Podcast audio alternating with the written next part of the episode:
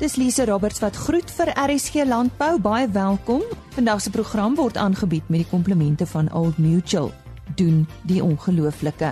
Ons hoor ver oggend van Merino SA en die stand van die Merino bedryf. In weerwaarhede praat Henny Maas en sy gas oor winde. Vleispryse natuurlik altyd op 'n donderdagoggend. Dan praat ons oor die rol van landbou as dit kom by klimaatsverandering, 'n onderwerp wat altyd onder die soeklig sal wees. En om hier af te sluit, ons gesprek met Old Mutual oor finansiële beplanning. Karen Venter, ons medewerker in die Oos-Kaap, het onlangs by die bestuurder van Merino SA op Graafrenet, Dani Foster, 'n draai gaan maak om te praat oor die stand van die Merino bedryf. Ja, dis lekker om te kan sê dit gaan baie goed met die bedryf.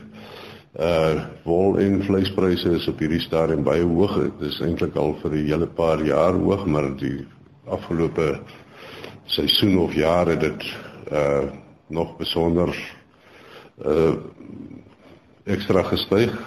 Ons veilingspryse, ramveilings het bo verwagting goed gedoen. Die gemiddelde ramprys is hierdie jaar omtrent 25% hoër as verlede jaar. Uh en dit staan omtrent op 9.500 rand per ram gemiddeld waar verlede jaar net onder die 7000 was. Ons het ook op Graafrenet ons nasionale merino ramveiling gehad waar dit baie goed gegaan het. Die uh, gemiddelde prys was ook omtrent 25% op van verlede jaar tot net onder die 30000 rand gemiddeld by die nasionale marine veiling. En uh, soos wat uh seker al redelik algemeen bekend is, is daar 'n nuwe SA rekord prys behaal by nasionale veiling van 255000 rand vir 'n merino ram wat nie elke dag gebeur nie. Marino boere of stoetboere wat vir ons wil kontak Ons het 'n webtuiste uh, marinosa.co.za.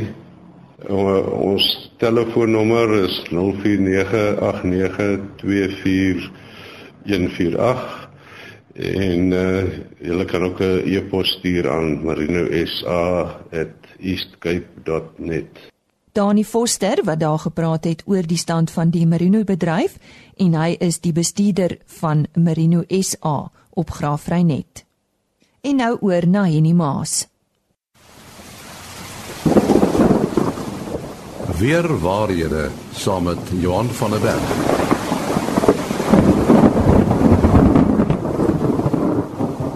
Ons uh, gesels nou weer met Johan van der Berg van uh, Santam Landbou. Weer waarhede, dit is waaroor ons praat. En uh, vandag oor winde. Daar's seker veel oor te sê, né, Johan? Ek dink ons ervaar dit ook hierdie afgelope maand of, of 6 weke dat ons baie wind uh veral Augustus was die tipiese uh winderigheid wat ons ervaar het uh en wat voorgekom het. Ek sou wil so 'n bietjie net eers die agtergrond gee oor die ontstaan van winde en dit gaan hoofsaaklik maar as gevolg van energieverskille wat op die oppervlakte van die aarde is. En dit maak dat daar stygende lug plaasvind uh en hierdie stygende lug vorm dan 'n lugleegte en ander lug word op die oppervlakte dan na hierdie gedeelte toe ingevoer en dit ervaar ons dan as wind. Nou die rigting van beweging, ons het al 'n bietjie daaroor gepraat, is die in die suidelike halfrond om 'n hoëdrukstelsel is dit altyd antikloks gewys en om 'n laagdrukstelsel is klokgewys, kloksgewys. Uh in die noordelike halfrond is dit anderster. Nou as jy mens gaan kyk na tipiese windgebeurtenisse in Suid-Afrika of bekende winde. Uh eerstens wat hier as mense hier oor die binneland uh, uh oor die somerreënvalgebied is vir al die sentrale westelike gedeeltes, dan praat ons van die droë westewinde of die droogtewinde. Uh en gewoonlik dit is 'n uitvloeisel van die hoëdrukstelsel wat hier oor die weste kant vanaf die Atlantiese Oseaan geleë is of wat hier inkom. En dan kom hierdie westewind waai om die kern of die sirkel van van die hoëdrukstelsel uh antikloks gewys. So dit kom hier van die Weskus gedeeltes af. Dit waai oor die droë Noord-Kaap en die uh gedeeltes waar dit baie droog is, die Kalahari en die Karoo en hier oor die binneland kom dan sit hierdie droë warm uh wind.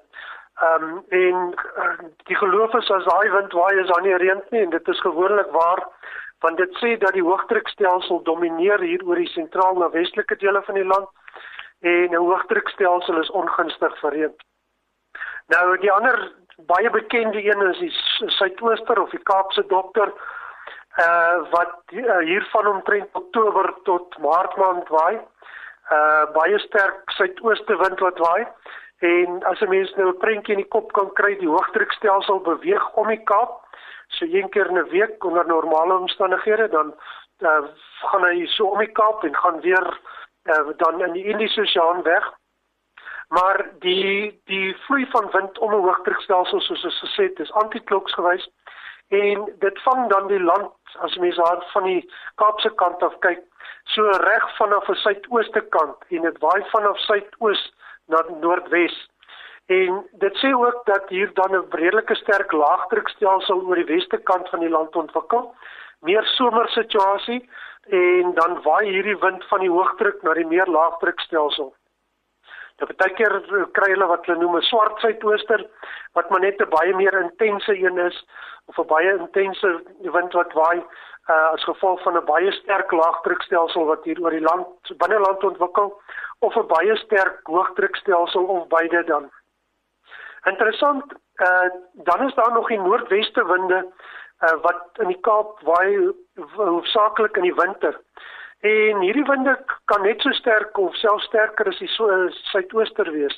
Uh maar dit is meer geassosieer met reën uh saam met die koue fronte. Dan kry ons ook wat ons noem bergwinde wat maar amper dieselfde is as hierdie weste wind wat ons hier oor die binneland ervaar is maar net winde wat oor die land waai uh droë oor droë gebiede uh dit ver verhit hierdie wind en dan ervaar ons hierdie baie warm toestande. Interessant, ons uh, dink altyd dat Augustus die winderigste maand is, maar dit is nie. Uh en dit geld nou hier oor die somerreënvalgebied. Die winderigste maande as 'n mens na die na die wind run of na die hoeveelheid wind wat verby 'n punt beweeg kyk, is hier van Oktober, November, Desember, maar veral Oktober. Uh so Oktober is oor die grootste deel van die binneland of die somerreënvalgebied eintlik die winderigste maand. En dit sê ook dat daar baie onstabiliteit begin ontwikkel, dis die verandering van die seisoene. 'n Baie ander of 'n interessante ding uh is die daggang van wind. Uh so die wind begin hier in die oggend so by 10:00 se kant gewoonlik waai hier oor die sentrale gedeeltes uh en bereik sy sterkste snelheid hier rondom 2 uur tot 5 uur in die middag en dan gaan hy word dit weer swakker en dit is hoofsaaklik maar as gevolg van die energieverskille die hitte wat plaasvind. Uh teen die kuslyn is die wind gewoonlik uh, redelik parallel met die die kuslyn self of die kusgebiede dan. Uh so of van 'n as jy mens na die ooskus kyk so van 'n noordoostelike rigting of aan die ander kant hier uit die suidwestelike of uh, rigting dan. Ehm um, in die in die somer is die rigting uh hier oor die uh, somerreënvalgebied uh is so antikloks gewys. Mens kan sê hier in die oggend gaan dit hier uit 'n oostelike komponent waai en soos wat die energie vermeerder en dit warm word, draai dit noord en hier later na die middagse kant uh dan sien ons dat hier uit 'n westelike komponent waai. Ehm um, nog interessant is die die hoogte is hoogte en windsnelheid. Nou daar's 'n ritmiese toename uh, in windsnelheid met hoogte. So hoe hoër 'n mens gaan uh, hoe vinniger waai die wind en ook sommer baie vinniger. Uh so as 'n mens gaan kyk waar om windpompe of windturbines op te sit, uh moet 'n mens dit op hoër gedeeltes gaan sit want uh, of op 'n hoër uh, uh, uh, paal of iets sodat hierdie wind uh, snelheid wat uh, in die atmosfeer wat hoër vanaf die grond is dat mense dit daar kan gebruik. So die wind is integraal deel van ons klimaat. Uh, dit is maar 'n simptoom of 'n dryf uh baie van ons klimaatsgebeure uh en uh, dit is waaroor wind so 'n belangrike komponent is ook in Suid-Afrika maar ook wêreldwyd. Nou sê baie interessant. Alles oor wind hier in Suid-Afrika. Johan van der Berg van Santam Landbou. En onthou volgende week donderdag weer in te skakel vir weer waarhede saam met Johan van der Berg en Henny Maas. Ons kyk nou wat het met die vleispryse gebeur by die afgelope Dinsdag se veilinge wat in die Noord-Vrystaat plaasgevind het en die datum van hierdie veilinge was 19 September. Aan die woord Chris Terksen. Dit is belangrik om te let dat daar baie diepte en sterkte in die mark is, hoewel pryse taamlik konstant is. Speenkalfpryse onder 200 kg R37.23 van 200 tot 250 kg R36.07 en oor 250 kg R35.12. A-klasse R25.14, B-klasse R22.12 C-klasse vetkoeie R21.07 en markkoeie het gewissel van R17.50 tot R19 per kilo afhangend van kwaliteit. Slagbulle R23.10. En vanaf die skaapmark stoorlam R40.17 en vetlam R35.84. Maaroeie R26.91 en vetoeie R26.97 per kilogram en vanaf die bokmark lammers R38.03 en ooe van 'n goeie kwaliteit R27.20. Dien ons van enige hulp kan wees skakel maar enige tyd na 08280 75961.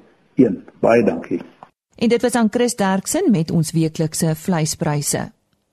Klimaatsverandering is reeds 'n meetbare werklikheid en Suid-Afrika is veral kwesbaar in terme van die impak daarvan soos brande, vloede en droogtes. Nou daar lê wel geleentheid daarin om aan te pas by veranderende omstandighede en om klimaatsverandering te verminder. Die vraag is dus wat is die rol van landbou in hierdie veranderende klimaat en hoe kan die sektor by hierdie verminderingsgeleenthede baat. Nou gesels met Karine Erasmus, ons het al voorheen op RC Landbou met haar gesels. Sy senior klimaatsveranderingsadviseur by Prometheum Carbon. Nou, uh, Karine, wat is die konteks van klimaatsverandering in Suid-Afrika? Hallo Lize, dankie. Dit is lekker om om weer te gesels. Ehm um, Suid-Afrika se nuutste koolstofvoetspoor wys dat ons in 2012 meer as 500 miljoen ton koolstofdioksied ekwivalent vrygestel het. Nou Suid-Afrika het 'n vreeslike steenkool gebaseerde kragstelsel. So 'n groot deel of die groter die groter deel van hierdie um emissies is as gevolg van energieverskaffing en verbruik. daarmee saam is ons ook 'n uh, baie energie-intensiewe ekonomie wat nou natuurlik toe te skryf is aan die mynbou en die minerale verwerking wat wat groot bydraers is tot die tot die ekonomie. Suid-Afrika se landbou, bosbou en grondgebruiksektor dra so ongeveer 9.7% by tot ons tot ons kweekhuisgasemissies, maar in dieselfde asem dra dit ook 9.7% by tot ons ehm um, geleenthede in terme van sekwestrasie. As 'n ontwikkelende ekonomie het ons 'n baie hoë ongelykheidsfaktor, ons het 'n hele klomp sosio-ekonomiese kwessies insluitende hoë werkloosheid syfers wat natuurlik die impakte van klimaatsverandering um soveel erger maak. En daarom is aspekte soos jou verminderingsaktiwiteite of jou aanpassingsaktiwiteite baie meer krities um in die konteks daarvan om ons ontwikkelingsdoelwitte te bereik. Watter impak het dit op die landbousektor? As ons kyk na die impakte wat verwag word as gevolg van klimaatsverandering in Suid-Afrika, kyk ons na byvoorbeeld um droë kondisies um, na die weste en die suide van Suid-Afrika toe. Ons kyk na beduidende verwarming oor die binneland van van Suid-Afrika en natuurlik natter kondisies na die ooste van die land toe. Um daar is 'n verskeidenheid van van aspekte wat hiermee gepaard gaan. Daar is wisselvallige reën reënvalpatrone. Um dit het natuurlik 'n uh, verskillende effekte op die landbousektor van um wat verbou word tot wanneer aspekte verbou word, seisonale veranderings en hierdie tipe van patrone het 'n impak op ons kosvoorsiening en op, op ons kossekuriteit en natuurlik die die weerloosheid soos ek gesê het van armer gemeenskappe mense wat afhanklik is van van werk binne die landbousektor maar mense wat ook afhanklik is van die van die produkte van die landbousektor. Die landbousektor speel 'n baie belangrike rol in Suid-Afrika se ekonomie en veral in Suid-Afrika se se se voedselsekuriteit maar as gevolg van die aard van die sektor is dit ook baie kwesbaar um, aan die aan die hand van van klimaatsverandering. Onlangse studies wys byvoorbeeld dat wêreldwyd het die landbousektor oor die afgelope 10 jaar 25% van alle verliese as gevolg van droogte, vloede en storms gedra. So jou finansiële aspekte um, en jou finansiële impakte op beide die primêre en sekondêre landbou um, aktiwiteite is is baie groot en dit gaan jou jou jou um, ook jou landbouwaardeketings impakteer. En wat beteken dit vir besigheid binne die landbousektor? Um soos ek genoem het, ek dink um vir vir besighede beide van 'n van 'n primêre oogpunt as wel sowel as 'n sekondêre oogpunt um het klimaatsverandering um verskillende impakte een van die groot aspekte daarvan is byvoorbeeld is, is is versekerings en versekerings rondom jou besigheid, versekerings rondom die soos ons praat van die upstream en en en downstream impakte. Dis een van die aspekte, um natuurlik die langdurigheid van besighede binne die konteks van um veranderende seisoene, veranderende gewasbelde. Dit het 'n impak op die langdurigheid van besighede en soos ek genoem het, ek dink um spesifiek in Suid-Afrika se konteks die die sosio-ekonomiese impakte van klimaatsverandering in terme van ons ons weerlose gemeenskappe gaan 'n groter en groter rol speel op byvoorbeeld die behoefte aan werkskepping, um die die volhoubaarheid van werk binne die binne die landbousektor. Wat kan die landbousektor in terme van aanpassing en vermindering doen? Aanpassing en vermindering is is twee kante van dieselfde muntstuk. Um baie keer word die twee goed gesien um, in isolasie van mekaar, die twee um, metodes gesien in isolasie van mekaar. Maar maar by Prometheum voel ons byvoorbeeld dat dat hierdie twee aspekte hand aan hand kan loop. 'n Mens kan byvoorbeeld 'n hele paar aanpassingsmetodes um aan die aan die hand aan die dag lê en en dit gaan na mate van tyd verminderingsaktiwiteite tot gevolg hê. 'n Voorbeeld hiervan is byvoorbeeld um biomassa. Grond speel 'n verskriklike belangrike rol die bruikbaarheid van grond speel 'n verskriklike belangrike rol in ons ruimtelike ekonomie, maar ook in die aanpassing tot klimaatsverandering. En die verbouing en die verwerking van grond om koolstof terug te sit in die grond deur byvoorbeeld biomassa te verbou, is een van die maniere hoe die landbousektor kan aanpas by klimaatsverandering. Nou baie keer as grond um nie in sulke goeie toestande is nie of grond is geïmpakteer op een of ander manier, kan die verbouing van hierdie biomassa nie noodwendig gebruik word vir voedselvoorsiening nie. Maar daar is 'n verskriklike groot mark en 'n groeiende mark in terme van om biomassa te gebruik vir groen energie. En natuurlik die opwekking van groen energie en die verbouing um, van hernubare energie is een van die van die groot verminderingsaktiwiteite wat wat Suid-Afrika na moet kyk om om klimaatsverandering um teen te werk. Daar's 'n hele paar voorbeelde van um sulke tipe projekte binne die landbousektor op die oomblik. Um 'n paar van die baanbreker projekte is byvoorbeeld Harmony Gold wat um biomassa gebruik in 'n um in 'n anaerobiese verteerder om om gas op te wek vir van hulle aktiwiteite. Daar's um Baxburg wynmakery wat vye verbou vir biomassa en biogas en daar is 'n uh, 'n abattoir by te Cullinan waarvan die slagpale afval gebruik word ook in 'n anaerobiese verteerder om gas te maak wat dan omgeskakel word in elektrisiteit vir die abattoir self. So die landbousektor het uit die aard van van van ehm um, van die sektor heel 'n hele paar geleenthede in terme van beide aanpassing en verminderingsaktiwiteite. Dit was dan Karin Erasmus, sy's die senior klimaatsveranderingsadviseur by Prometheum Carbon. Ons gaan kuier nou noordoos van Victoria Wes op die plaas Dombietersfontein.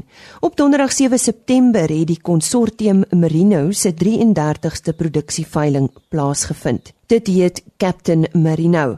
Tom Pietersfontein is Gawie van Heerden se plaas. Hy's ook uitvoerende direkteur van Consortium Marinos. Hy vertel meer van die veiling. Ek dink dit was regtig een van die opwindendste dae ooit in die marine bedryf. Dit was by ver die grootste veiling wat ooit gehou is in Suid-Afrika.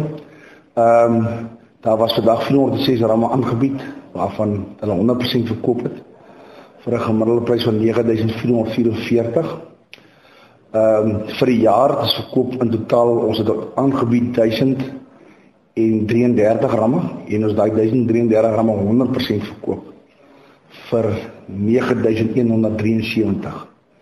As jy het my klop jaar terug gesê ons gaan dit regkry, jy sê maar dit is nie moontlik nie want daar is ongelooflike kompetisie by buitekant. As ek omtrent 300 teelers wat in hierdie mark kompeteer Ehm um, ja, en ek dink ons produk is is fenomenaal. Die produk wat ons wat ons hier in die dis hoekom die mense ook terugkom na ons toe. Hulle kom agter maar my lammes raak groter, my lammes raak legaliger.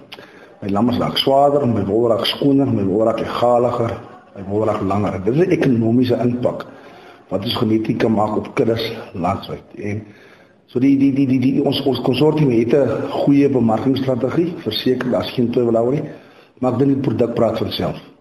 Ek dink dit is hoekom ons vandag ten minste stoele gehad het. Ek bedoel dit was nog nooit so gewees dat mense moes staan en veilig. Dit sê vir my die mense kom en hulle begin besef die ouens het iets weet. Hierdie ouens het ongelooflike produk, visueel, kreatief. Hulle is besig om te groei en ek dink mense wil graag deel wees van 'n sukses van 'n suksesverhaal en so en, en ja, so ek ek so op nooit Suid-Afrika se wolboere. Kom keer vir ons. Kom ons volgende veiling 15 Februarie hierso en dit is 'n dit is 'n dit is 'n battery lei geleentheid. Daar's geen twyfel daaroor nie. En sê ons hele beleggings 'n model wat ons ontwikkel het word nou eintlik ondersteun deur die genetika. Ehm want ons geneet ons ramme gaan deur 'n seleksieproses waar ons die produk waarop ek sê altyd soos 'n Coke Cocos en 'n Toyota Toyota is is 'n konsortium ram oopkop gladde skaap wat optimum wol produseer. Daai skaap daai ramme ehm um, koop boere by ons en hulle teel weer oeye wat ons graag wil terugkoop met beleggers se geld. So nou begin jy eintlik sinergie kry tussen kapitaal en teelplan en soortskaap en my boere raak eintlik nou vir my potensieel kontrakgoeiers. Die die die ramme teel vir ons die oeye wat graag wil koop in beleggingsgeld. En die ramme sit ons deur 'n bitterlike strawwe seleksieproses. En 'n ram wat hier staan gaan daai pink tag oeye daai handelsmerk vir ons teel. En ons het verkieslik want dis nie meer so skewing te skaap want hy word op natuurlike omstandighede geselekteer. En dis die skaap wat ons op 'n groter skaal wil boer en konsortium se droom lê nog glashelder. En ons is hard besig om dit te bewerkstellig en dit is om te integreer in die waardeketting. Ek moet my vleis verder volg in die waardeketting. Ek moet volg my wol verder in die waarde. My my my my huid, my vel moet ek verder volg. En die beide beide bemarkingsomgewing is dit eintlik al onmoontlik. Boer na boer en daar in die waardeketting is daar verseker groot groot geld te maak. Maar die boere is heidaglik eintlik uitgesluit daarvan. En dit is eintlik maar deel van die konsortium sekuriteit. Hoe gaan ons dit bewerkstellig en hoe gaan ons dit laat gebeur? Ek dink ons vorder, ons vorder verseker. So ek sê die mense moet agterkom die genetika werk. En dit is hoekom ons vandag so sê die meeste mense nog ooit die gehad het. En kom kyk, kom kyk vir ons. Kom kyk vir ons. Ons sê ons veiling is volgende is 5 15 Februarie dom bieters dan so 40 km noordoos van Pretoria Wes. Ehm um, en mense wat gewoonlik hier kom, voel maar eers like dit is 'n dit is 'n battery gelei geleentheid. Dit is ehm um, en dit is nie net ramkoppers wat kom, hier is ook beleggers wat kom.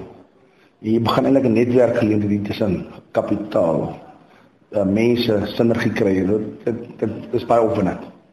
My kontakbesonderhede, uh, Gawie van Heerden, skakel my baie welkom 082 321 3233 of as jy wil e-mail gawie@consortium met 'n k koppelteken marina.com. Ons sê dankie aan Karen Venter en dit was dan 'n bydrae wat sy vir ons gestuur het deur Gawie van Heerden, uitvoerende direkteur van Consortium Marinos wat oor die 7 September se 33ste produksieveiling gesels het wat op Dombietersfontein plaasgevind het. 'n Mens hoor heeltyd dat jy self verantwoordelikheid moet neem vir jou finansiële beplanning en dat dit ook baie belangrik is. Maar wat behels finansiële beplanning en waar begin 'n mens? Koos Nel, die hoof van Agrimark by Old Mutual, gesels nou met Henny Maas hieroor. Koos, wanneer is dit die beste tyd vir produsente om te begin met hierdie finansiële beplanning? Môre Henny. Ja, ek dink die beste tyd is altyd om so vroeg as moontlik te begin. Baie van jou finansiële beplanning is goed het juist te doen om sekerheid te skep en voorsiening te maak vir onbeplande gebeure. So ou kan dit nie uitstel nie, mense moet dit doen en vandag is eintlik maar die beste tyd om dit te doen. Uh maar onderliggend aan dit lê ek dink 'n behoorlike behoefte ontleding terme van wat nodig is en wat vervat moet word in die plan en wat se produkte moontlik uh van toepassing is. En, en die vier basiese hoekstene van van hierdie beplanning, wat is dit presies? Die nege vrae wat jy konteks net wil gee want daar's baie oplossings en produkte in die mark beskikbaar, maar elke persoon en familie se situasie is uniek met eie doelwitte en drome uh mense te verskillende lewensstadiums stadiums van die lewe wat verskillende verantwoordelikhede is. So wat ons sê is ou moet konteks gee rondom dit en sê en kyk in terme van wat is belangrik vir jou besigheid. Uh, hoe beskerm ek my besigheid en dit wat verband hou met behoeftes rondom my besigheid? Dan tweedens rondom my leefstyl. Hoe beskerm ek my leefstyl? En die derde plek, wat se bates en beleggings bou ek op om my leefstyl te onderhou wat er, waarop kan staan maak? En dan die vierde plek om te kyk hoe struktureer ek my nalatenskap? So dis basies die vier belangrike punte wat mense moet aanraak daarvan. As ons vir 'n oomblik dink rondom leefstylbeskerming, dit is 'n tradisioneel waar jou versekeringsprodukte inkom rondom uh rondom by dood en ongeskiktheid, gevreesde siekte en so meer. Dis dis 'n belangrike beskermingsmeganisme wat jy beskerm teen onbeplande gebeurtenisse. Jy weet nie wanneer dit gaan gebeur nie. En en uh, ongeskiktheidsversekering, uh, wat presies behels dit? En ek dink uh, rondom ongeskiktheidsversekering, lewensversekering ook, as ek begin dink rondom dit dat jy of 'n produsent is eintlik 'n masjien wat geld produseer en jy en jy beskerm of verseker daai masjien teen die ongebeure daai masjien ontklaar raak so ongeskik raak of dood gaan sê hoe vervang daardie kapitaal? Nou ongeskiktheidsversekering is dit as ek nie my dagtake kan verrig nie of ek is fisies ongeskik om daarmee om te gaan gaan ek 'n inkomste kry en daai versekering verskaf dan kapitaal of inkomste wat die mense dan kan gaan belê om daai inkomste genererende effek te vervang? En, en wat behels lewensversekering dan alles by die dood van die versekerde lewe uit. Vir onderstelle versekerbare belang maar dit betaal presies uit wanneer ou dit nodig het. So dis presies waarvoor mense dit uitneem en sê in die geval van dood betaal dit uit en dan kan die kapitaal gebruik word waarvoor die behoefte ook al daar is. En dit kan wees vir die versorging van naasbestaandes die afhandeling van 'n boedel jou boedelkoste wat bees nog baie groot is aflossings van lenings of skuld en ook uh, regverdige verdeling van van uh van 'n boedel onder onder opvolgers. Nou wat wat dit behels of wat dit moet wees, moet die behoefte daarvan moet deur 'n finansiële beplanner bepaal word. Want dit bring sekerheid. Kapitaal is beskikbaar wanneer dit nodig is en in baie gevalle ons sal gesien dat as dit die regte plan in plek is, regte versekerings voorkom dat die onnodige verkoop van bates en plase om skuld en kostes te delg. En die uitbetaling van uh, lewensversekering, uh, wat behels dit alles? Wat is die voorwaardes? In ons mees elementêre vorm is dit is, is versekering. Lewensversekering 'n kontrak tussen die versekerde en die versekeraar. Die risiko word bepaal en geskryf gebaseer op die inligting wat die versekerde verskaf en dit vorm die basis van die kontrak en die premie uh wat op plek gestel word. En daarom is dit belangrik dat alles moet openbaar word deur die versekerde om die versekeraarstelsel om die risiko reg te bepaal. En as daar wesenlike inligting ontbreek dan uit die afdeling kan dan is dit nie reg onderskryf nie en dan kan dit 'n probleem veroorsaak. Uh maar ons besigheid is regtig om versekerings uit te betaal om redes te kry om uit te betaal. Ons het 'n baie trotse rekord in die bedryf. 99% van ons lewensversekering word uitbetaal en en dit is dis wat mense graag wil hê van die doel daarvan is om baie sekerheid vir die belanghebbendes te skep. En en ander finansiële uh, voorsiening waar ons nou nie gepraat het nie, wat sou dit nou wees?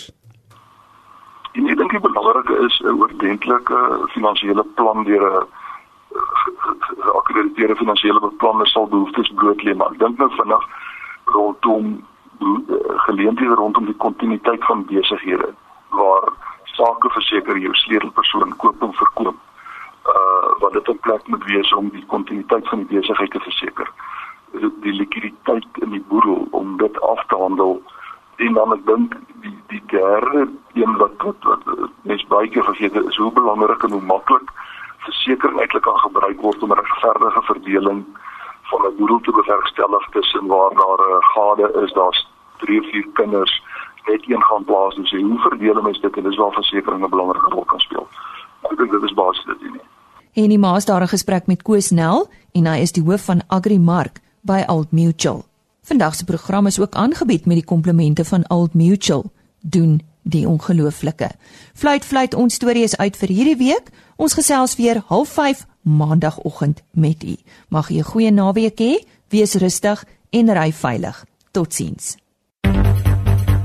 RSG Landbou is 'n produksie van Blast Publishing. Produksieregisseur Henny Maas.